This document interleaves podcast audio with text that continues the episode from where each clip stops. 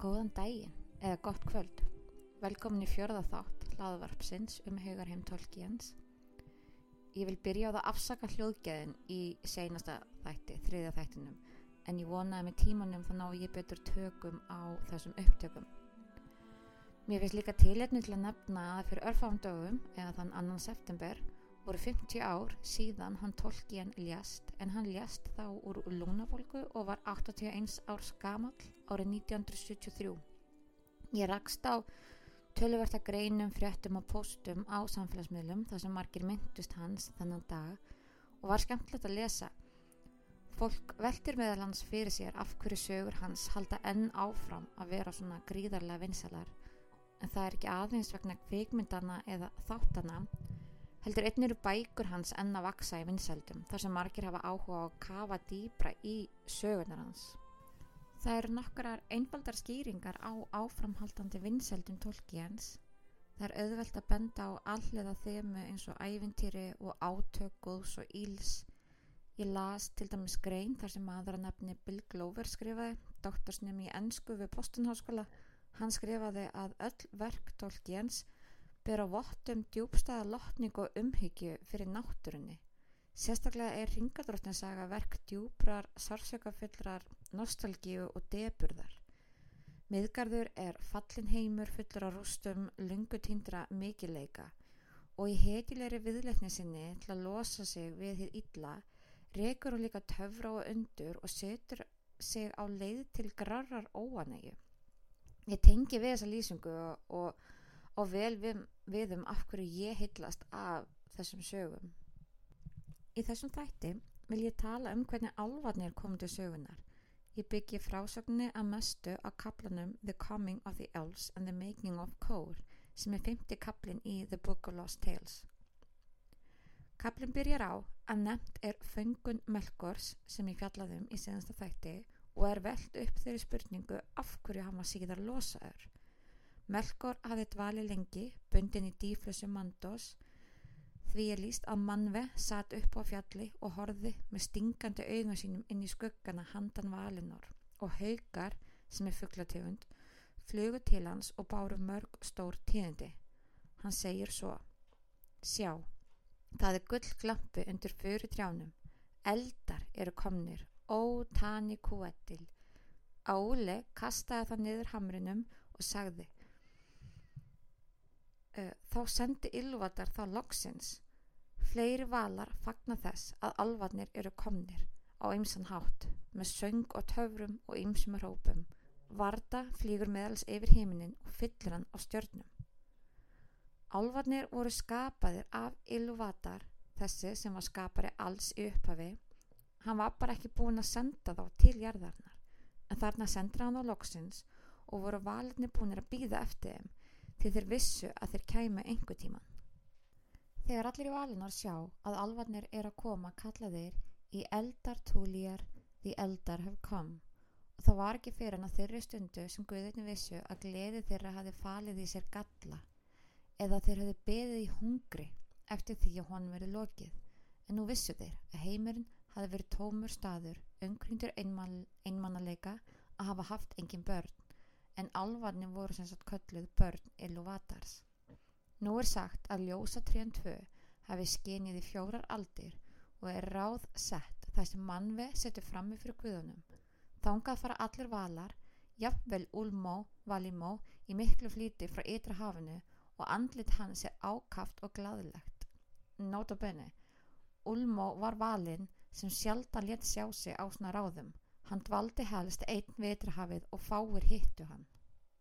Á þessum degi ákveður mannvi að leysa melkur frá Angaínu þó hann hafði ekki útfyllt dómsinn en ekki voru losið handjórnin og fjödrarnir en hann bar þá enna ullið og ökla.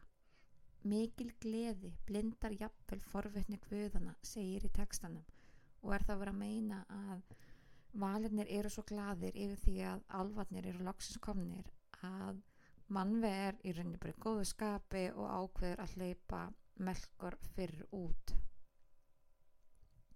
En alvanir byrtust í landinu sem kallast Palisor og svæði sem vegna nafnið Ko-i-Veneni eða The Waters of Awakening.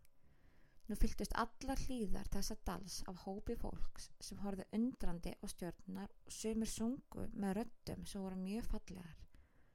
Ég vil skjóta einn hér að þetta landsvæði er þegar ringadórnarsaga fyrir fram ekki til. Landið sem miðgarður er partur af var miklu stærra en undir lók fyrstu aldar þá sekkur stór hluti landsvæðisins undir sjó. Það á eftir að gerast síðar en valega nafni Nornore er sendur til Palsor og stóð hann upp á hæð og var undrandi yfir fegur þessa fólks og að því hann var vali þóttu hann í fólkið mjög lítið og viðkvæmt og andlit þeirra blíð og fögur. Þá talaði hann með henni miklu rött vala og öll skínandi andlitin snýri sér að honum. Hann segir við alvana að beði sér eftir þeim og hann sem er skilaboð frá mannvi Súlimó drotting vöðuna sem dvelur á tani kvoetil í friði og vil bara viskuti þeirra því þau eru börn íluvatar. Þrýr alvar eru valdir til að fara, Isil Inve og Finnve Nólame sem var fadir Turondos og Tinve Lindó sem var fadir Tinuviel. Síðar eru þeir miklir alvar og líka börnin sem eru þarna nefnd, sérstaklega nafn. Nú er farið í gegnum hvaða flokkar alva fylgdu hverjum Þetta hljómar kannski rugglingslega en á Instagram síðunni sem heitir að sama og hlaðvarpið mun ég setja myndir og skýringateksta sem segja frá þeim og þau sjáu þetta betur og jafnvel myndrænt fyrir ykkur. En ég ætla að segja frá þessu hér. Til er í alvar voru þeir sem fylgdu Ísil en ætt hans og afkomendur örðu konungli. Nólómi réði yfir Nóldóli alvum og verður sonur hans Turandó eða Turgon eins og þar kalluðan eru miklar sögur sagðar. Tinve var yfir Hisilómi alvum. Hann dvaldi þó ekki lengi með fólkinni sínu en hann lifir enn og má stundum sjá hann dansa í Lórianskóum. Mestur allra af þessum alvum var Isil Inve og fólk virðir hið volduga nafn hans allt til þessa dags. Alvarni þrýr mæta til mannvei og örðu þeir undrandi yfir dýrljósins sem byrtist þeim en ljósaskipti voru í gangi millir ljósatorna tveggja Silpjón, tríð var að dökna en Láralín var að vakna til mikillar dýrðar. Til minnis Silpjón og Láralín eru nöfnin á trjánum tveimur sem líst upp valinor og til að stinga öðrun á þessum tíma er engin sól á himnunum eina ljósið í veröldinni þarna er í raun þessi tvö tré og smá frá stjörnunum sem búið er að skapa. Álvarnir undruðust einna á guðunum sem voru svo fagrir og tignalegir. Manve sagði við þá, rísið upp börn Iluvatar því að guður eru komið í þar mjög gladir. Segið okkur hvernig þið komið, hvernig fundið þið heiminn, hvað sínist yður sem eru fyrsta ákvæmu hans eða hvaða langanir fyllir það ykkur. Nalómi svaraði og sagði Sjá hinn voldugasti hvaðan komu við að því ég virðist þá vaknaði ég af eilefum djúpum svefni og mínu stóru draumar eru þegar glimtir Tenvi sagði að hjarta hans sagði honum að hann veri ný komin frá óendarlegum svæðum að hann gæti ekki munna eftir hvaða dimmu og öndarlegu slóður hann hafi farið. Envi segir þar sem ég veit hvorki hvaðan ég kem nýja hvaða leiður ég fer er heimurinn sem við erum í, erum í mér aðeins eitt stort undur og ég held að ég elski hann algjörlega en samt fyllir hann með algjörlega lengunni ljós. Mannveg segir að Illuvatar hafi þá þurkað út minni alvana við komið þeirra í heiminn. Það er hvernig þau komið ángað og áttu guðurnir ekki heldur að fá að vita það. Nú fyrir að stað umræða um hvort eigi að lifa alvum að búa í valnor hjá guðunum. Ekki er allir sammála um það. Vali að nafni Makar, einn af þeim örfáu sem var alltaf að er litið sammála uh, Melkor og hans skoðunum, hann segir að Valinor var aðeins fyrir Vala. Varda, drottning Vala, sem elskaði alvana einna mest og bjóti stjórnuna fyrir þá, vildi að þeir byggja með þeim. Uh, margir segja sína skoðun en mannvið tekur lo loka ákverðina og segir að alvarnir séu velkomnir til valnar. Þeir munu fá hjálp við að ferðast ángað og valirnir munu hjálpa þeim að byggja heimili sín. Valarnir fara undirbúið að koma álvana. Áli gerði verkfæri sín tilbúin, Javanna og Tuivana leituði að hendu um stað fyrir heimili álva og Órómi ferðaðist til álvana og ætlaði aðstofa þá að vera rata til valnar. Ulmó sótti kval sem hétt Úin sem var kröftugur og elstur allra kvala. Hann fjekk hann til að draga eigina tól Erisea með alfunum á í áttalandinu sem Valnor var staðsett. Í Valnor var sér hæð þar sem alvarni byggði borgina sína og hétt hún Kór. Fyrsti alvahóprin te voru telir í alvarnir, síðan komið Noldóli og síðar Solo Simpi alvar og þetta eru fyrstu þrýr hópara alvum sem örðu til. Ossi uh, átti eigina tól RSA sem var nótuð sem ferja en hann var ekki gladur með að hún hefði verið nótuð.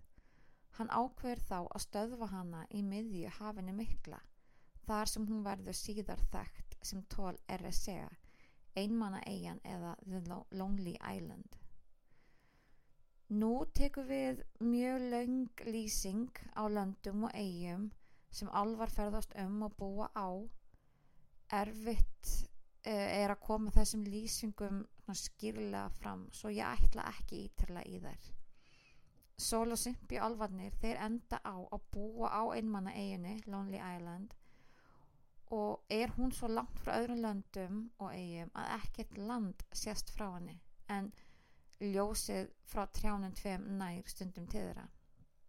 Sol og Simpi alvarnir verða nokkuð einungraður og munu þeir þróa með sér sína eigin siði og tungumál.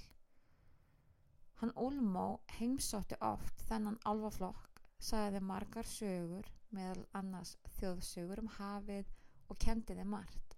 Hann kendi þeim einni tónlist og byggu þeir til flautur og skeljum og þeir spiluðu oft með. Sagt var að engar strendur væri með eins fallegar skeljar og hvítu strendurnar á tól er að segja. Alvarnir þar byggu margir í hellum og skreittu þá með þessum skeljum. Í Valinor, þar sem hinnir alvarnir byggu, fengu þeir hjálp frá guðunum við að byggja borginni sína kór.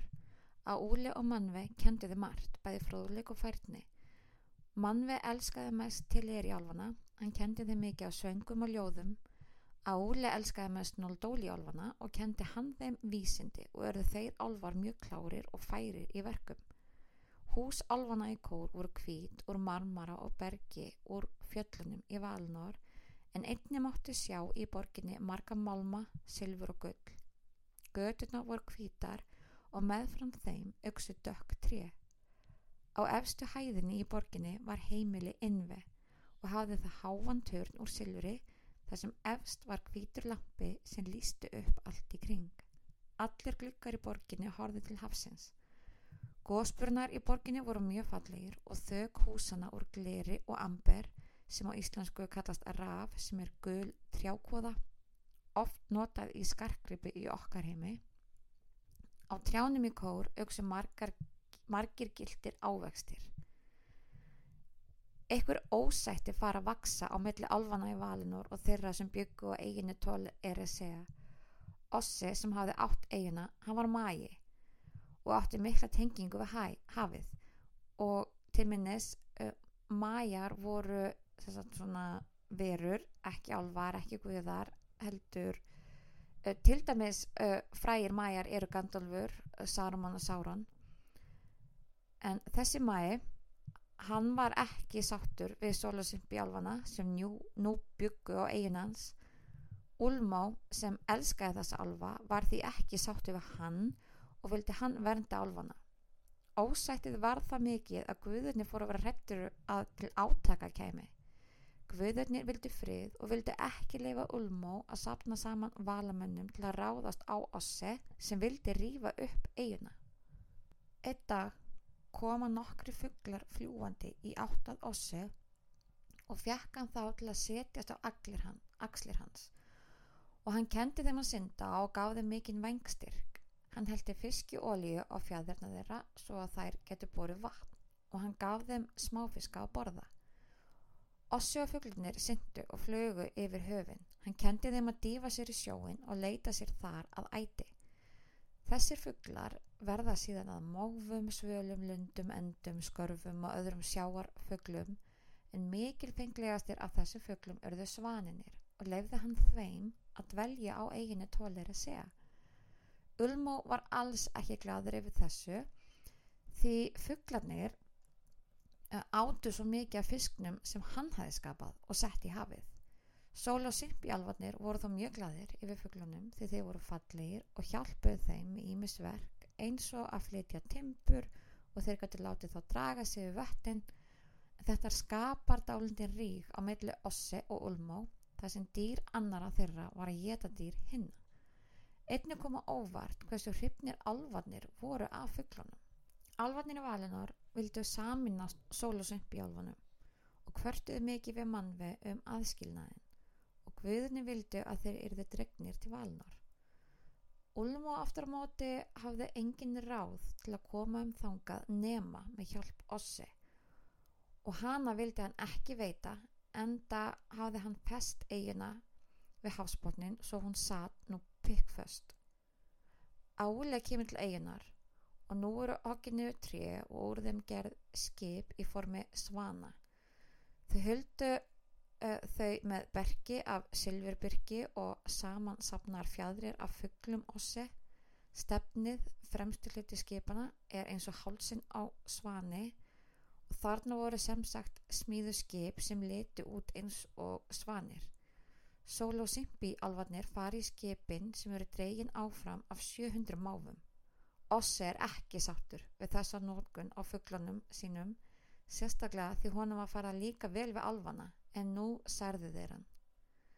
Þegar flotin kemur að Valnor verður mikill fögnur í kór hjá Teleri og Noldóli alfunum. Sól og Simpi alfanir vildu þó flestir ekki bú í kór heldur fundu þeir sér hýpili í klettum við fjöruna þeir vildu semst ennþá vera nált ströndunum.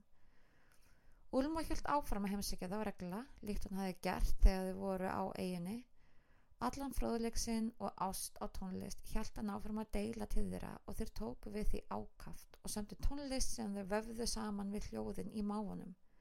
Sól og Simpi sildu mikið um höfin í svanaskipum sínum sem voru dregin áfram af máum eða sild með árum. Þeir söpnuðar skeljum og perlum. Hinnir alvarnir öfundu þá mikið og þráðu að eignast skeljar og perlur í heimil sín í kór. Teleri alvanir, sem oftast voru meðal guðana, held áfram að semja ljóðin sín og lög, dönsuð oft í sölu mannvi og elskuðu stjörnunar sem varta skapaði. Oft voru Noldóli alvanir með þeim og spiliðu mikið á tónlist með hörpum og fiðlum, en þeir elskuðu mest að vera með áli sem kendi þeim að skapa marga fallega hluti. Þeir sköpuðu málverk, vöfðu tjöld og skár út myndir. Í laumi var áli líka að kenna þeim önnur handverk meðal annars að vinna með malma, steina og marmara. Eftir mikla sannfæringu tókst þeim að eignast nokkra skelljar og perlur frá sympi í alfanum og með allir þeirri kunst sem þeir höfðu öðlast tókst þeim að blanda saman þessum fallegu efnum og sköpuðu fyrstu gimsteinana. Eru það nefndir kristallar, amber, tópas, grana, drúbín, emerald, safír og fleiri og úr þeim sköpuðu skarkrippi og loksins tekst þeim svo búl demanta. Feanor sem var yfir Noldóliálfum fer til Sólusimpjálfa og beður þá um að gefa sér einstaka perlu sem hann fjekk. Þar að auki duftker fullt af lýsandi fosforljósi sapna saman úr dimmum stöðum. Hann blanda þessu dufti saman við perlur, alla hinn að gímsteinana sem voru til, önnur efni og með ymsum göldrum skapaði hann gimstein sem lísti upp jafnvel myrkustu staðina. Honu tókst að búa til þrjá slíka steina. Þessir gimsteina kallaði hann Silmerla. Þeir sem hafa séð þessa steina segja að þeir séu þeir allra fegurstu, jafnvel feguri en perlur sólosympiálfana. Nú er borgin Kór upplýst að þessum ara grúa gimsteina, ekki Silmerlina heldur allra hennar, og gletra borgin á hinn mikilfenglegasta hátt. Guðurnir er jafnvel undrandi yfir fegur þessara borgar. Álvarnir gáfu guðunum gjafir meðan hans var fallugur uh, safír gefin til mannvi og Rómi fekk belti úr emeraldum og Áli var sérstaklega hrifin að því að fá að vinna með demanta og ametista. Melkor fekk uh, enga gemstina gjöf því enn voru margir sárir yfir glæpum hans en Melkor þráði þó að koma höndum sínum yfir þessa steina að hann segir ekkert og þóttist uh, halda að þeir voru minna virði en malmar en hann var að plotta í mislegt sem ég segi frá aðeins síðar. Nú er Valinor orðin fögur, full af fallegum verum og fallegum borgum, skóum og nátturu, en miklu löndin, the great lands, voru endim því ljósið frá trjánum tveimur náði ekki þangað. Það eru löndin sem miðgarður verður síðar nefndur á. Nú er sögunni lokið en mér langar að tala aðeins meira um álvana sem Tolkien skapaði. Tolkien er oft kallar fadir fantasíu bókmenta og sömu veld fyrir sér hvort að hann hafi fundið upp á álfum. Það gerðan ekki, en endur uppvöldun eða endur hönnun hans á þeim breytti því hvernig við höfum litið á þá síðan. Ljósálvar, norratna goðsagna voru langlýfir, ódöðlegir eða jafnvel guðalíkir. Englendingar voru líka farnir að uh, skrifa um alva, þá lístu þeir þeim sem litla upp og tækja sama oft ósýnilega alva, en Tolkien gerði norrænu sínina að alvum vinsala. Alvar eru síndir í dag á þann hátt uh, að þeir séu háir, fallegir, háþróaðir og með oddkvæs eiru eða pointy eiru. Þeir eru mjög ólíkir alfunum sem voru mest ábyrjandi fyrir aðeins um 100 árum, eins og englendingar sáu þá fyrir sér. Littleira stærð og hegðun þeirra upp á takjasum og fjörug svona prakkarleir. Í dag sjáum við alfana ekki endilega fyrir okkur með fyrreldavangi en súsín var eitt sinn vinsæl Tolkien gerði alvana sína líka einstaka á þann hátt að hann gaf þeim sögu, tungumál og goðafræði sem hæfði hans eigin sögu um miðgarð. Einblásturinn hans fyrir alvanum fjekk hann sem sagt úr norrænum sögum. Það fyrst getur um alva í norrætni goðafræði í tveimur tekstum frá 12. eða 13. öld svo síðar er kentur við Snorra Sturluson í ljóðættu eða snorraættu. Snorraætta talar um að tvennskonar alvar finnist í forn norratni heimsmynd, ljósalvar og dökkalvar. Þar segir að dökkalvar búa í jörðu og eru ólíkir ljósalvum í útliti og hafa enn ólíkari innræti. Ljósalvar eru feguri en sólinn sjálf og hafa göfugt innræti. Dökkalvar eru svartir sem bygg en innræti þeirra óþægt. Svo á þennan hátt er í raun fyrstu alvanum líst og segja mætti að tólkin hafi notað ljósalvana sem sinn innblástur. Í ljóðættu er lýsingin alvum mjög lík kristinni ímynd, ímynd á englum og djöflum. Ljósalvar eru umkringdir ljóma og skap þeirra ljúft og gott og aftur á móti eru dökkir alvar vondir í karakter, drungalegir og búa í neðanjarðar sölum. En lýsing tólki hans að alvum hefur breyst í gegnum skrifans og má stundum finna þversagnir eins og hann lýsi þeim í textanum sem ég hef sagt frá hér í þessum þætti þá pass, passar það ekki alveg við ímynd sem sést í hoppitanum. Þar á einu stað er sagt frá alvum sem sungu barnalega rýmur. Þeir hljóma þar ekki eins og jafnmiklar svona eðri alvarleiri verur eins og við sjáum þá í eldri sögum og jafnvel ringadróttun sögu í hoppitanum eru alvar í eitt sem druknir en í ringadróttun sögu er það ekki reynin þó þeir syngi en þá eru söngvar þeirra dabrari og alvarlegri. En mér finnst sagan um komi alvana mjög falleg og áhugaverð eitt lokapunktur sem að ég vil koma hér á framfæri er það að alvarnir byrtast allt í einu miðgarði, handan valinor og þeir virðast vera allir fullornir. Það er allan að hvergi nefnd alvaböld. Svo fyrstu alvarnir áttu enga æsku og þeir voru til áður en þau komið til jarðarinnar. Ylvatar hafði skapað á áður svo þeir voru til þarna eitthvað starf í alheiminum en enginn vissi hvað er gerðu þar eða hvernig er komið til miðgars og ill og vatar hafði þurrkað út minnið þeirra svo enginn fengi að vita það.